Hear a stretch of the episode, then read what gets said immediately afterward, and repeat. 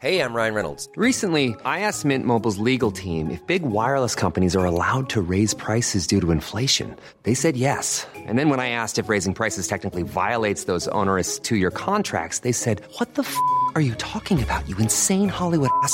F- So to recap, we're cutting the price of Mint Unlimited from $30 a month to just $15 a month. Give it a try at mintmobile.com slash switch. $45 upfront for three months plus taxes and fees. Promo rate for new customers for limited time. Unlimited more than 40 gigabytes per month. Slows. Full terms at mintmobile.com.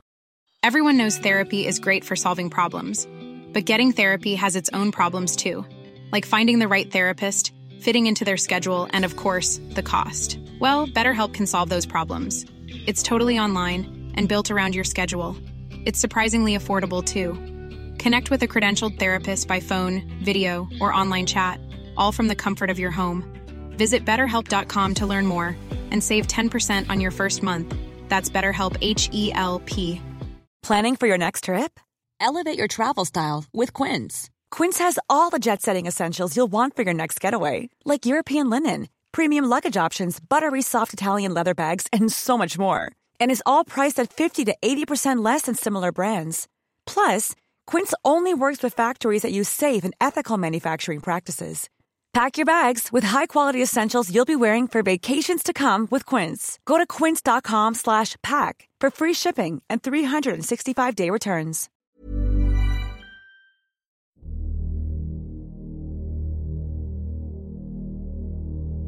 På kvelden den 9. februar 2004 kjører den 21-årige sykepleierstudenten Maura Murray langs Route 112 i nærheten av Haverhill, New Hampshire.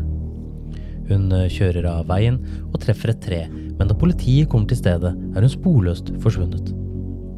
Hvor ble det av Maura Murray? Hvorfor befant hun seg langs eh, denne veien, og hvor var hun på vei?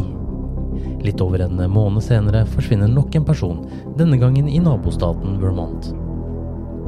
Var disse sakene knyttet til hverandre på en eller annen måte? Sto etterforskerne overfor en seriemorder, en lokal drapsmann eller kvinne, eller lå det noe mer tragisk bak iallfall ett av forsvinningstilfellene? Dette er historiene om Maura Murray og Brianne Maitland.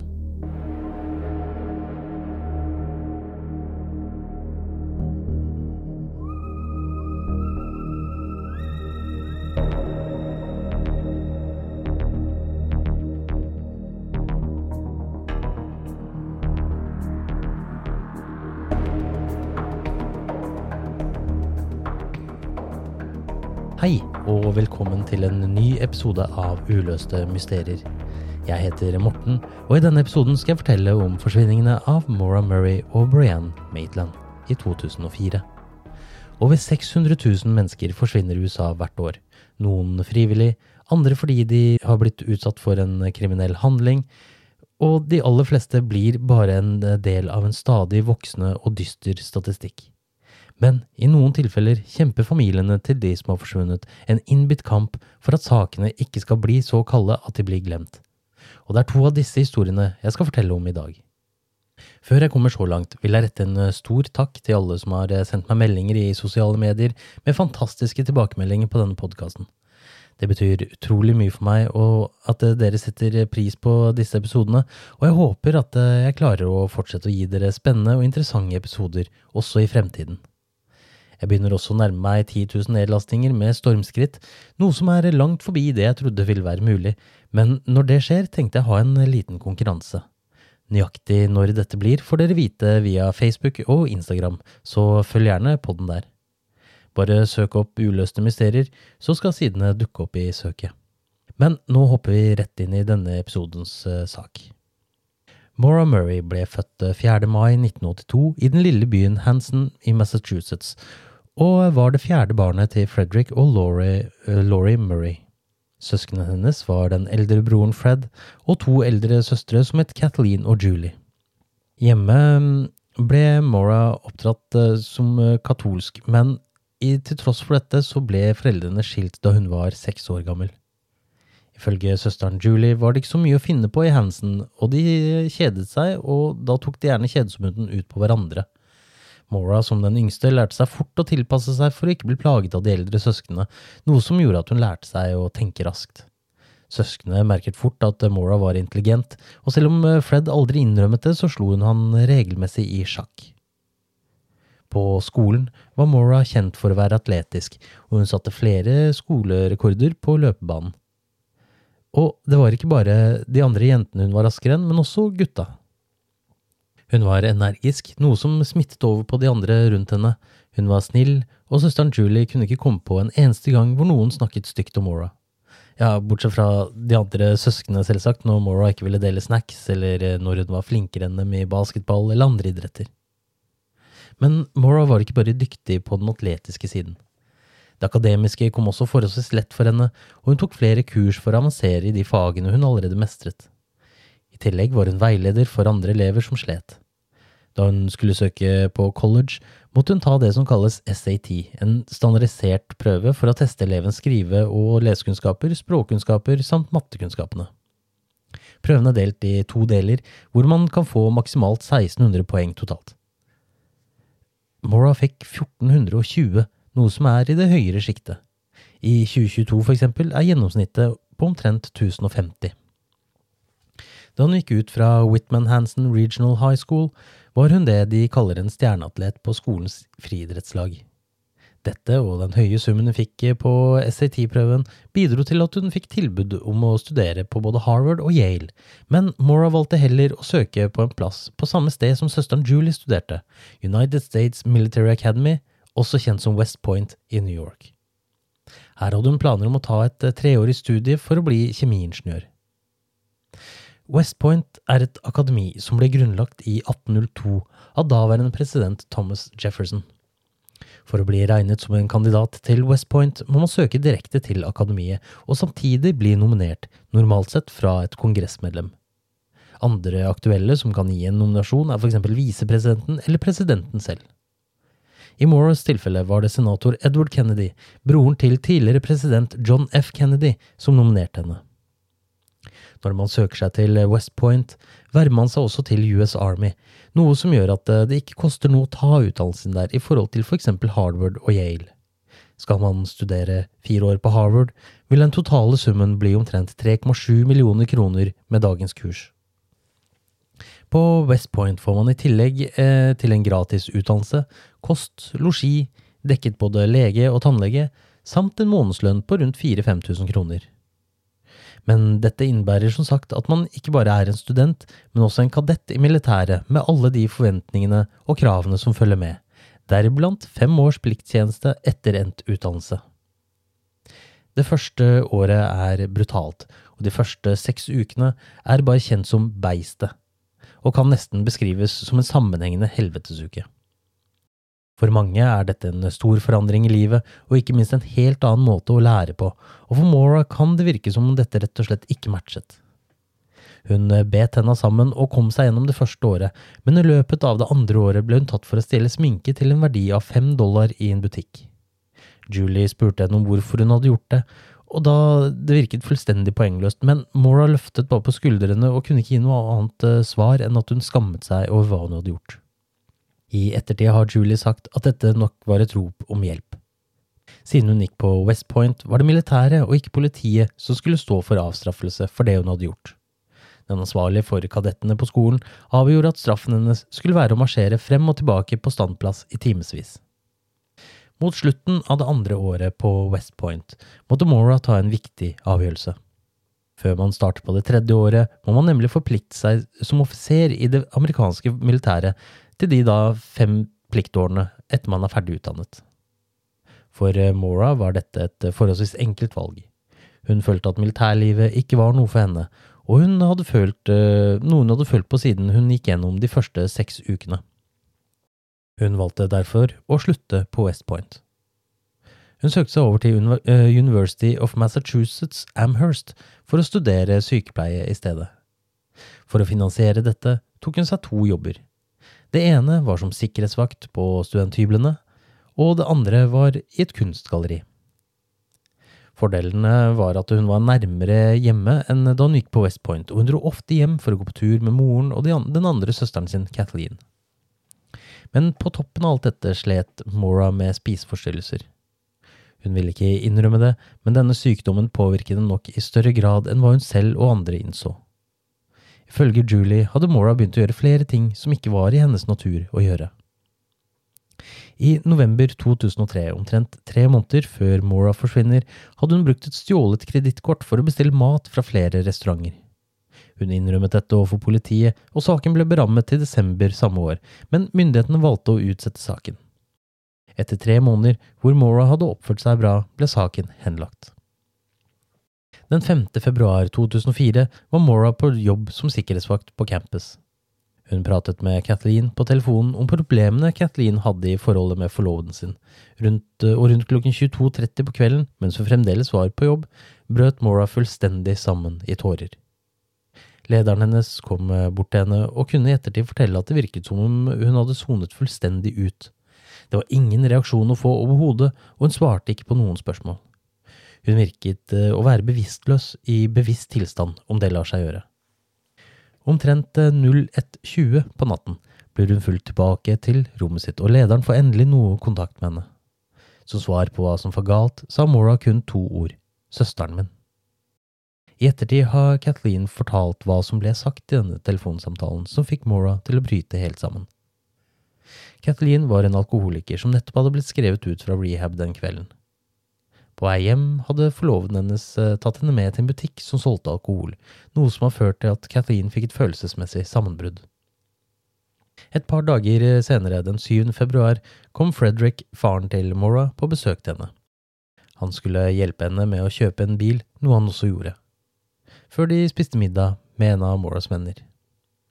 Etter dette kjørte de tilbake til motellet hvor Fred bodde, hvorpå Mora lånte bilen til Fred for å kjøre tilbake til campus for å være med på en fest. Og for ordens skyld, eh, jeg kaller eh, Fredrik, eh, faren, for Fred heretter. Hun ankom festen omtrent 22.30 og ble til ca. klokken 02.30. Jeg er litt usikker på avstanden mellom motellet hvor faren bodde og campus, men omtrent 03.30 så kjørte hun inn i autovernet på veien tilbake og påførte bilen nærmere 15 000 dollar i skader. Politibetjenten som kom til åstedet, skrev en skademelding og ulykkesrapport, men det er ikke dokumentert at han tok en promillekontroll av Mora. Politiet kjørte henne så tilbake til motellet hvor faren bodde, hvor hun ble til dagen etter, hvorpå faren fant ut at forsikringsselskapet ville dekke skadene på bilen. Eh, den eh, dagen etter den 8. februar så leier faren en bil og kjører Mora tilbake til campus. Det siste han prater med henne om den dagen, er at hun må få ordnet skademeldingen slik at hun kan få sendt inn forsikringskravet. Natt til mandag den 9. februar søkte Mora opp veibeskrivelser til Berkshires, som ligger nord i Massachusetts, og Burlington i Vermont.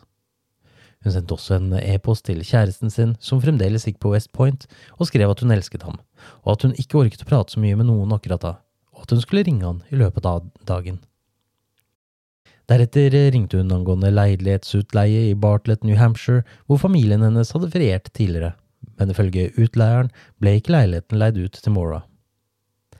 På morgenen sendte Mora inn en oppgave til skolen elektronisk, deretter sendte hun en e-post til lærerne om at det hadde vært et dødsfall i familien, og at hun kom til å være borte fra campus resten av uken.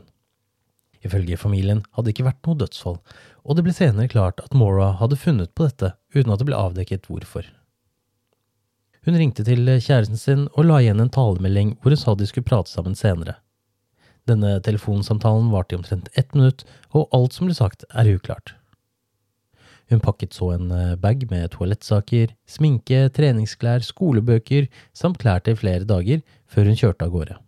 Etter hvert ble det også avdekket at Mora hadde pakket ned alle tingene sine i esker og tatt ned bilder og kunst fra veggene. På rommet hennes sto sakene hennes eh, stablet omtrent som om det var klart til å bli flyttet, og på toppen av en av eskene lå en utskrift av en e-post til kjæresten hennes som antydet at ting ikke sto så veldig bra til i forholdet. Omtrent 15.15 stoppet hun ved en minibank og tok ut 280 dollar, som var nesten alle pengene hun hadde på kontoen. Hun kjørte deretter til et alkoholutsalg og kjøpte alkohol for rundt 40 dollar, deriblant Baileys, Kalua, vodka og en kartong pappvin før hun satte kursen nordover mot New Hampshire. Hun hadde ikke fortalt noen om hvor hun skulle, eller hvorfor hun skulle reise akkurat dit, men hun tok seg likevel tid til å hente skademeldingsskjemaene hos Biltilsynet. Klokken 16.37 ringte hun talepostkassen sin for å sjekke om hun hadde noen meldinger, og dette er siste gangen telefonen hennes ble brukt. Klokken 19.27 hørte Faith Westman en dump lyd utenfor. Hun bodde i Haverhill i New Hampshire langs en vei som heter eh, Wild Amonosuk Road i et område med mye skog, og Amonosuk River uh, ligger ikke langt unna. Hun uh, gikk til vinduet og tittet ut og fikk se en bil stående i snøfonna langs veien. Hun ringer politiet og melder fra om ulykken som har skjedd i den skarpe svingen rett ved hjemmet hennes. Ifølge loggen fra nødtelefonen hevdet Faith at hun hadde sett en mann røyke en sigarett inne i bilen, men senere har hun endret dette til at hun ikke så noen røyke noe, men at hun så noe som lignet et rødt lys. Rett etterpå kom bussjåføren Butch Atwood til ulykkesstedet. Han bodde i nærheten og var på vei hjem, men stoppet og fant Mora vandrende rundt bilen sin. Han eh, spurte hvordan det gikk med henne, om hun var skadet, om hun trengte hjelp, men Mora avkreftet dette. Atwood så ingen tydelige skader på henne, annet enn at hun var oppskaket og tilsynelatende kald, og da han spurte om eh, han skulle ringe politiet, ble hun veldig tydelig på at dette var noe hun overhodet ikke ønsket.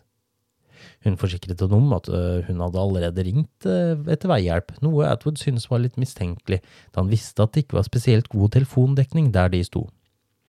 Han kjørte litt motvillig fra stedet, og da han kom hjem ringte han med en gang til politiet for å fortelle om hva han hadde sett. Senere etterforskning har vist at Mora aldri ringte etter veihjelp etter ulykken. Ifølge de offisielle politiloggene kom første patrulje frem til ulykkesstedet klokken 1946, men da var Mora forsvunnet. Han undersøkte bilen og så at airbagene hadde blitt løst ut etter sammenstøtet med tre på førersiden. Han så på skadene til bilen at det var nærmest totalvrak å regne. Skadene var ikke enorme, men store nok til at bilen aldri kom til å kjøre igjen. Radiatoren hadde blitt trykket inn i motoren, og frontruta var knust på førersida, venstresiden hadde store skader. Han fant også en fille puttet inn i eksospotta på bilen, men senere skulle dette vise seg at det var et triks faren til Mora hadde lært henne, slik at hun skulle slippe å få bot fordi eksospotta slapp ut altfor mye eksos. Han forsøkte å åpne døren, men fant ut at den var eh, låst, og måtte knuse en siderute for å komme seg inn. Han la merke til noen røde flekker både utenfor og inni bilen, tenkte med, og tenkte med ett at dette var blodflekker. Inne i bilen fant han også en tom ølflaske, en kartong med pappvin i baksetet, veihjelpskortet utstedt til Maura Murray, utfylte skademeldingsskjemaer, hansker, CD-er, sminke, et diamantsmykke, veibeskrivelse til Burlington i Vermont, favorittkosedyret til Maura og en bok om fjellklatring. De tingene han umiddelbart la merke til, ikke, som ikke var der, det var bankkortet og mobiltelefonen hennes. Og etter hvert fant de også ut at alkoholen hun hadde kjøpt, med unntak av pappvinen, også var borte. Bankkortene og mobiltelefonene har heller aldri blitt brukt siden. Ved førersiden fant politibetjenten også en colaflaske med noe rødt innhold, som viste seg å være rødvin. Han fant rødvinsflekker i taket på bilen, og kunne dermed fastslå at de røde flekkene inni og utenfor bilen var rødvin. Både brannmannskaper og ambulanse kom til stedet, men siden det ikke var noe, noen som trengte bistand, reiste ambulansen etter noen få minutter. Brannmannskapene lette etter Mora i umiddelbar nærhet av ulykkesstedet, da hovedsakelig vestover, sammen med politibetjenten og bussjåføren som sa seg villig til å bistå i letingen. Men ifølge de tilgjengelige dokumentene om saken var det ingen som søkte øst for ulykkesstedet. Mellom 20 og 2030 en gang uh, var eh, en håndverker på vei hjem langs den samme veien Mora hadde forulykket. Omtrent eh, seks til sju kilometer øst for ulykkesstedet la han merke til en ung person som bevegde seg raskt til fots østover. Personen han så, hadde på seg jeans, en mørk jakke og en lys hettegenser. Dessverre var ikke håndverkeren klar over ulykken og meldte ikke fra til politiet før etter tre måneder. Dagen etter ble Mora meldt savnet. Politiet mente at hun eh, hadde flyktet fra åstedet og hadde forsvunnet av fri vilje. De hadde ikke funnet noe tegn til at dette hadde vært noe annet enn en ulykke, og siden hun heller ikke hadde fortalt venner, familie eller kjæreste om hvor hun skulle, gikk politiet til denne antakelsen. Politiet sendte ut en såkalt bolo, eller be on the lookout, for, uh, for uh, Mora. Klærne hun hadde på seg, matchet det håndverkeren hadde sett, men på dette tidspunktet hadde han ikke meldt seg til politiet med sin observasjon. Dagen etter, den 11. februar, kom faren Fred og søsteren Kathleen til stedet, og sammen med frivillige og New Hampshire Fish and Game, som er en avdeling med en egen politistyrke, begynte de å lete. En sporhund klarte å følge et spor av Mora, men ikke lenger enn 100 meter øst for hvor bilen hadde blitt funnet. Dette ga grobunn om en teori om at Mora muligens hadde blitt plukket opp av en bil på dette stedet. Klokken 17 på ettermiddagen kom kjæresten til Mora og hans familie til Haverhill, og politiet avhørte kjæresten med en gang, først alene, deretter sammen med foreldrene. Etter avhøret sa politiet at Mora hadde kommet eh, til dette området enten for å rømme eller for å begå selvmord, men familien hennes mener dette var usannsynlig. Politiet kom til en eh, konklusjon om at Mora hadde kjørt i beruset tilstand og krasjet bilen sin, til tross for at bussjåføren Butch Atwood hadde fortalt at hun virket oppskakt og kald, men ikke beruset. Etter dette hadde hun uh, muligens begynt å gå mot et område som kalles uh, Kansamagus Highway, et uh, område som går gjennom White Mountain National Forest. Boken de fant i bilen som omhandlet fjellklatring, handlet nemlig om White Mountains. Politiet uttrykket også sin bekymring over at hun enten var veldig lei seg eller suicidal.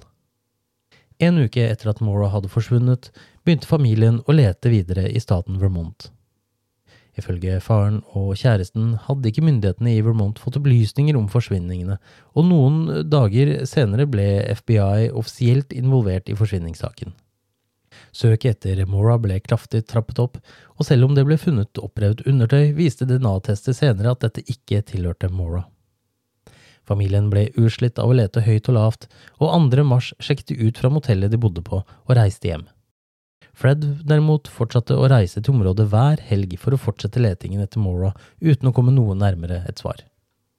Men så skjedde det noe som får både media og politietterforskere til å mistenke at noe grusomt kan ha skjedd med Mora. Den 19. mars 2004 forsvant ei jente sporløst etter å ha gått fra jobben sin på The Black Lantern Inn i Montgomery, Vermont, ca. 11 mil fra der Maura Murray forsvant. 17 år gamle Brianna Alexandra Maitland ble født 8. oktober 1986 i Burlington, Vermont, av foreldrene Bruce og Kelly Maitland. Hun vokste opp på en gård sammen med eldre bror, og i ungdomsårene trente hun jiu-jitsu. I oktober 2003, da hun ble 17, fortalte hun foreldrene sine at hun ønsket å flytte fra gården fordi hun ønsket å bli mer selvstendig og ikke minst være nærmere vennene sine som bodde lenger unna og gikk på en annen skole. Hun begynte på samme skole som vennene sine, men boforholdet hennes var noe ustabilt, da hun bodde hos forskjellige venner i en periode. I februar 2004 hadde ustabiliteten ført til at hun sluttet på skolen og flyttet inn med en barndomsvenninne og fortsatte utdannelsen sin som privatist. Tre uker før eh, Brianna forsvant, eh, havnet hun i slåsskamp på en fest med en tidligere venn ved navn Kelly Lacrosse. Selv om motivet var noe uklart, hevdet faren at dette handlet om sjalusi fordi Brianna visstnok pratet med en gutt på festen. Vitner fra festen forteller at selv om Brianna enkelt kunne ha forsvart seg selv med jitsu-kunnskapene sine, nektet hun å slåss mot Kelly, som slo Brianna gjentatte ganger i ansiktet. Dette førte til en brukket nese og hjernerystelse, samt en anmeldelse mot Lacrosse, en anmeldelse som ble henlagt tre uker etter at Brianna forsvant. Morgenen den 19. mars var en god dag for Brianna. Hun hadde nettopp bestått en privatisteksamen og hadde lunsj med moren sin for å feire dette. Moren fortalte at Brianna var ved godt mot og så lyst på fremtiden, og pratet om planene sine om å studere videre på college. Etter lunsj gikk Brianna og moren på en shoppingtur, men mens de sto i kø for å betale noe, så Brianna noe utenfor. Hun fortalte moren at hun skulle komme tilbake snart, og forlot butikken. Moren betalte og møtte Brianna på parkeringsplassen, og syntes hun virket nervøs og opprørt for noe. Hun fortalte moren at hun måtte hjem og gjøre seg klar til kveldsskiftet på Black Lantern Inn, og moren valgte å ikke grave dypere i hva som hadde opprørt datteren, kjørte henne hjem og slapp henne av. Og dette var siste gangen Kelly Maitland så datteren sin. Brianna reiste på jobb som planlagt, gjennomførte skiftet sitt og dro hjem omtrent 23.20 på kvelden. Kollegaene hennes var sikre på at hun var alene i bilen sin da hun reiste. Tidlig på ettermiddagen dagen etter kom en politibetjent over en forlatt bil som var plassert eh, bak et gammelt, forlatt hus. Han undersøkte litt og så at bilen hadde blitt rygget inn i husveggen, og en finerplate som hadde dekket et vindu, lå oppå bagasjelokket til bilen. To eh, lønnsslipper til under Brianna lå i forsetet på bilen, og utenfor fant politibetjenten litt vekslepenger, en vannflaske og en urøyket sigarett. Han antok dermed at dette nok var en som hadde kjørt i fylla og stukket fra stedet, ringte en taubil og fikk den tauet bort. Brianna ble ikke meldt savnet før flere dager senere. Moren fikk ikke høre om at bilen var funnet uh, forlatt før etter fem dager, til tross for at den var registrert på henne. Romvenninnen til Brianna hadde vært borte over helgen, og da hun kom hjem, hadde hun antatt at Brianna overnattet hos noen andre, noe som ikke ville være helt unormalt. Den 23. mars hadde moren begynt å bli nervøs, siden hun ikke hadde hørt noe fra datteren. Dette var fremdeles noen dager før hun fikk vite at bilen var funnet forlatt, men hun hadde begynt å ringe rundt til venner og bekjente av Brianna for å lokalisere henne. Da dette ikke ga resultater, meldte hun datteren savnet. Den 25. mars gikk foreldrene innom politiet for å levere bilder av Brianna, og en politimann viste dem et bilde av bilen og lurte på om dette kunne være hennes. Moren har senere sagt at hun instinktivt forsto at denne bilen hadde blitt eh, parkert slik av noen andre, da datteren aldri ville forlatt bilen slik. Politiet som etterforsket forsvinningen i begynnelsen, var ikke overbevist om at noe kriminelt hadde skjedd, og mente at Brianna kanskje hadde rømt. Politiet finsøkte området rundt det gamle huset hvor bilen ble funnet, men fant ingenting. Etter at kriminalteknikere hadde undersøkt bilen, ble den gitt tilbake til familien. Faren oppdaget raskt at eh, datterens bankkort, briller, kontaktlinsene og migrenemedisinen hadde blitt etterlatt i bilen, gjenstander hun aldri ville gått ifra. Etter hvert som FBI ble involvert, ble det klart at de mistenkte at Brianna hadde blitt utsatt for en kriminell handling, blitt bortført og bilen etterlatt på en slik måte at det skulle se ut som en ulykke. Familien påpekte at det i så fall var snakk om flere gjerningspersoner, da kun én person ville hatt problemer med å få kontroll på henne, da hun som nevnt var meget god i jiu-jitsu. Uka etter eh, Briannas forsvinning fikk politiet tips om at Brianna var holdt fanget mot sin vilje i et hus i nærheten av Berkshire. Huset var leid av to kjente narkotikalangere, Ram Ramon Ryans og Nathaniel Charles Jackson, og da politiet reidet bopelen den 15. april 2004, fant de store mengder narkotika. De fant derimot ingen spor av Brianna, bortsett fra det faktum at hun kjente til begge langerne. Senere samme år fikk politiet en erklæring fra en eldre kvinne som påsto at de to narkotikalangerne hadde kidnappet Brianna og holdt henne fanget i omtrent en uke fordi de mente jenta skyldte dem en narkotikagjeld. Ryans drepte, eh, drepte, henne i en eh, krangel over denne gjelden, og sammen med Jackson gjemte de kroppen hennes i en kjeller til en annen kvinne som nylig var blitt fengslet. De parterte deretter Brianna med en bordsag og kvittet seg med kroppsdelene på en grisefarm i nærheten. Politiet klarte aldri å få bekreftet denne påstanden. Familien til Brianna har fått flere henvendelser og anonyme telefonsamtaler med påstander om at hun har blitt bundet til tre i skogen eller senket i en innsjø, men ingen av disse påstandene har noensinne kunne blitt bevist. I årene etter forsvinningen til Brianna Maitland har det kommet flere opplysninger. I 2006 ble en kvinne som lignet veldig, observert på et kasino i Atlantic City mens hun spilte poker. Det ble aldri bekreftet eller avkreftet om hvorvidt dette var Brianna. I 2012 undersøkte myndighetene om Briannas forsvinning kunne kobles til seriemorderen Israel Keys, som utførte en mengde voldtekter og drap i Alaska, Oregon, Washington, Vermont og New York. FBI så seg derimot skråsikre på at Keys ikke kunne stå bak forsvinningen. Jeg skal ikke fortelle så mye mer om Israel Keys, men hvis dere er nysgjerrig på denne brutale seriemorderen, så bør dere absolutt sjekke ut Hold pustens episode som omhandler han. Jeg har tidligere fortalt om eh, podkasten, og liker dere sandkrim, er dette en podkast dere absolutt burde ha på favorittlista deres. Nevnte episode er for øvrig både spennende og interessant, og anbefales på det varmeste. Tilbake til Brianas forsvinning. I 2016 ble det avslørt at politiet hadde funnet DNA i bilen, men de avslørte aldri resultatet. I 2022 kunne politiet avsløre at de hadde klart å matche DNA, eh, DNA funnet i bilen til én av de elleve personene de tidligere hadde tatt prøver av i forbindelse med saken. I tillegg matchet det også DNA fra en av gjenstandene funnet i nærheten av bilen til Brianna. Men hadde Briannas forsvinning noe med Maura Murrays forsvinning å gjøre? Ifølge myndighetene er de sikre på at sakene ikke er knyttet til hverandre på noen som helst måte. Men all eh, den tid de ikke har verken mistenkte eller anklagede i Brianna Maitland-saken, kan heller ikke utelukkes. Sent i 2004 kontakter en mann uh, Fred, faren til Mora, og gir han en rusten, blodflekket kniv. Han fortalte at denne kniven tilhørte broren hans, uh, som ikke bare hadde et kriminelt rulleblad, men bodde kort vei fra ulykkesstedet. Og både han og kjæresten hadde oppført seg rart i tiden etter Moras forsvinning. Han mente at denne kniven hadde blitt brukt for å drepe Mora, og noen dager etter at Fred hadde fått kniven, vraket broren Volvoen sin. Familiemedlemmer av brødreparet mente derimot at broren som hadde kommet med kniven, hadde funnet på hele historien for å få dusørpengene, og han hadde en bakgrunn som narkoman. I 2006 begynte en gruppe frivillig pensjonerte politietterforskere å undersøke saken. De mente at denne saken var noe mer enn en vanlig forsvinning, og etterforskningen deres ledet dem til hus omtrent halvannen kilometer fra ulykkesstedet. De hadde med seg likhunder, som visstnok ble helt tullete da de undersøkte huset, noe som tydet på at de markerte for at det ikke bare hadde vært en død kropp der, men fremdeles var der. Mannen som var tidligere eier av huset, var broren til han som ga den rustne kniven til Fred i 2004. Etterforskerne skar av en bit av et teppe hun hadde markert på, og sendte det til politiet, men resultatene av analysen ble aldri offentliggjort. Fred var skråsikker på at eh, det er her datteren hans eh, lå begravet, og til tross for at han ønsket å undersøke eiendommen nærmere, hadde de daværende eierne nektet han dette.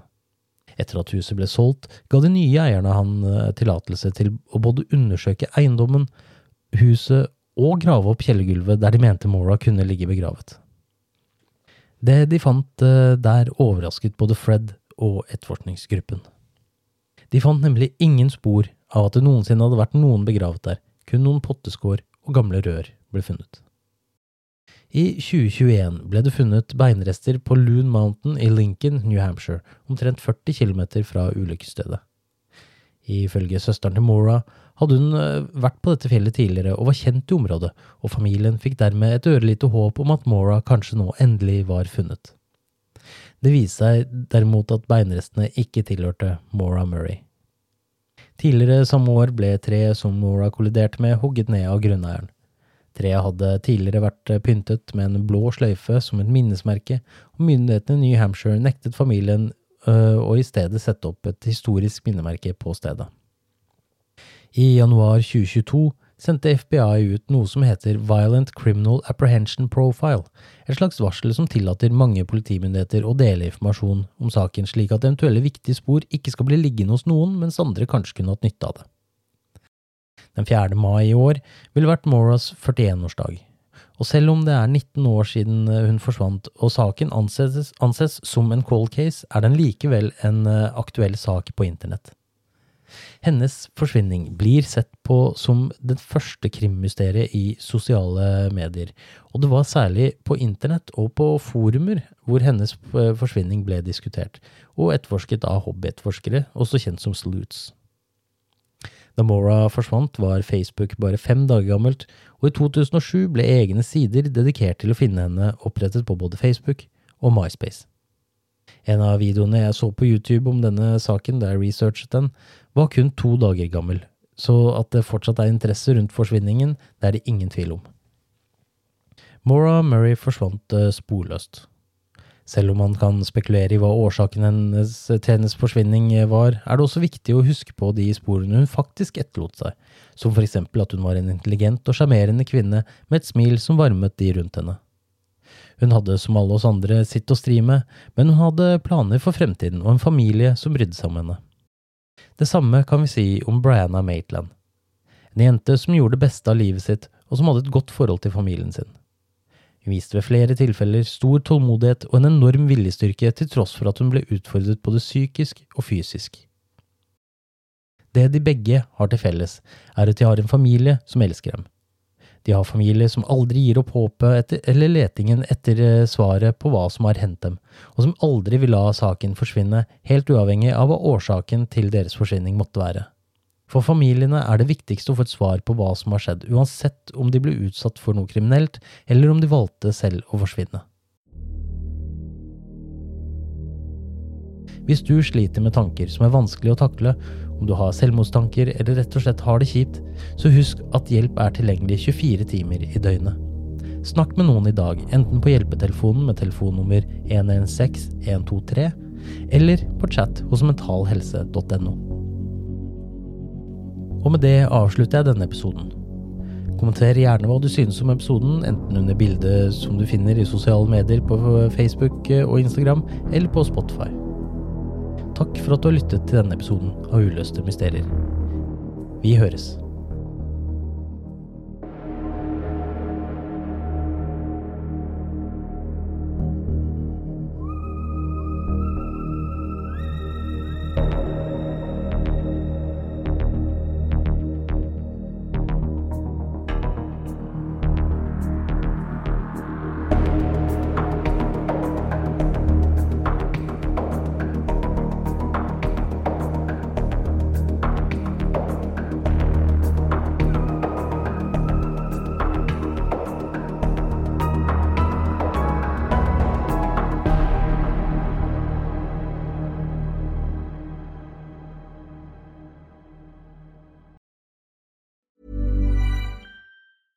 Planning for your next trip? Elevate your travel style with Quince. Quince has all the jet setting essentials you'll want for your next getaway, like European linen, premium luggage options, buttery soft Italian leather bags, and so much more. And it's all priced at 50 to 80% less than similar brands. Plus, Quince only works with factories that use safe and ethical manufacturing practices. Pack your bags with high-quality essentials you'll be wearing for vacations to come with Quince. Go to quince.com slash trip for free shipping and 365-day returns. Hi, I'm Daniel, founder of Pretty Litter. Cats and cat owners deserve better than any old-fashioned litter. That's why I teamed up with scientists and veterinarians to create Pretty Litter. Its innovative crystal formula has superior odor control and weighs up to 80% less than clay litter. Pretty Litter even monitors health by changing colors to help detect early signs of potential illness. It's the world's smartest kitty litter. Go to prettylitter.com and use code ACAST for 20% off your first order and a free cat toy. Terms and conditions apply. See site for details. Planning for your next trip? Elevate your travel style with Quince. Quince has all the jet setting essentials you'll want for your next getaway, like European linen, premium luggage options, buttery soft Italian leather bags, and so much more. And is all priced at 50 to 80% less than similar brands. Plus, Quince only works with factories that use safe and ethical manufacturing practices. Pack your bags with high-quality essentials you'll be wearing for vacations to come with Quince. Go to quince.com slash pack for free shipping and 365-day returns.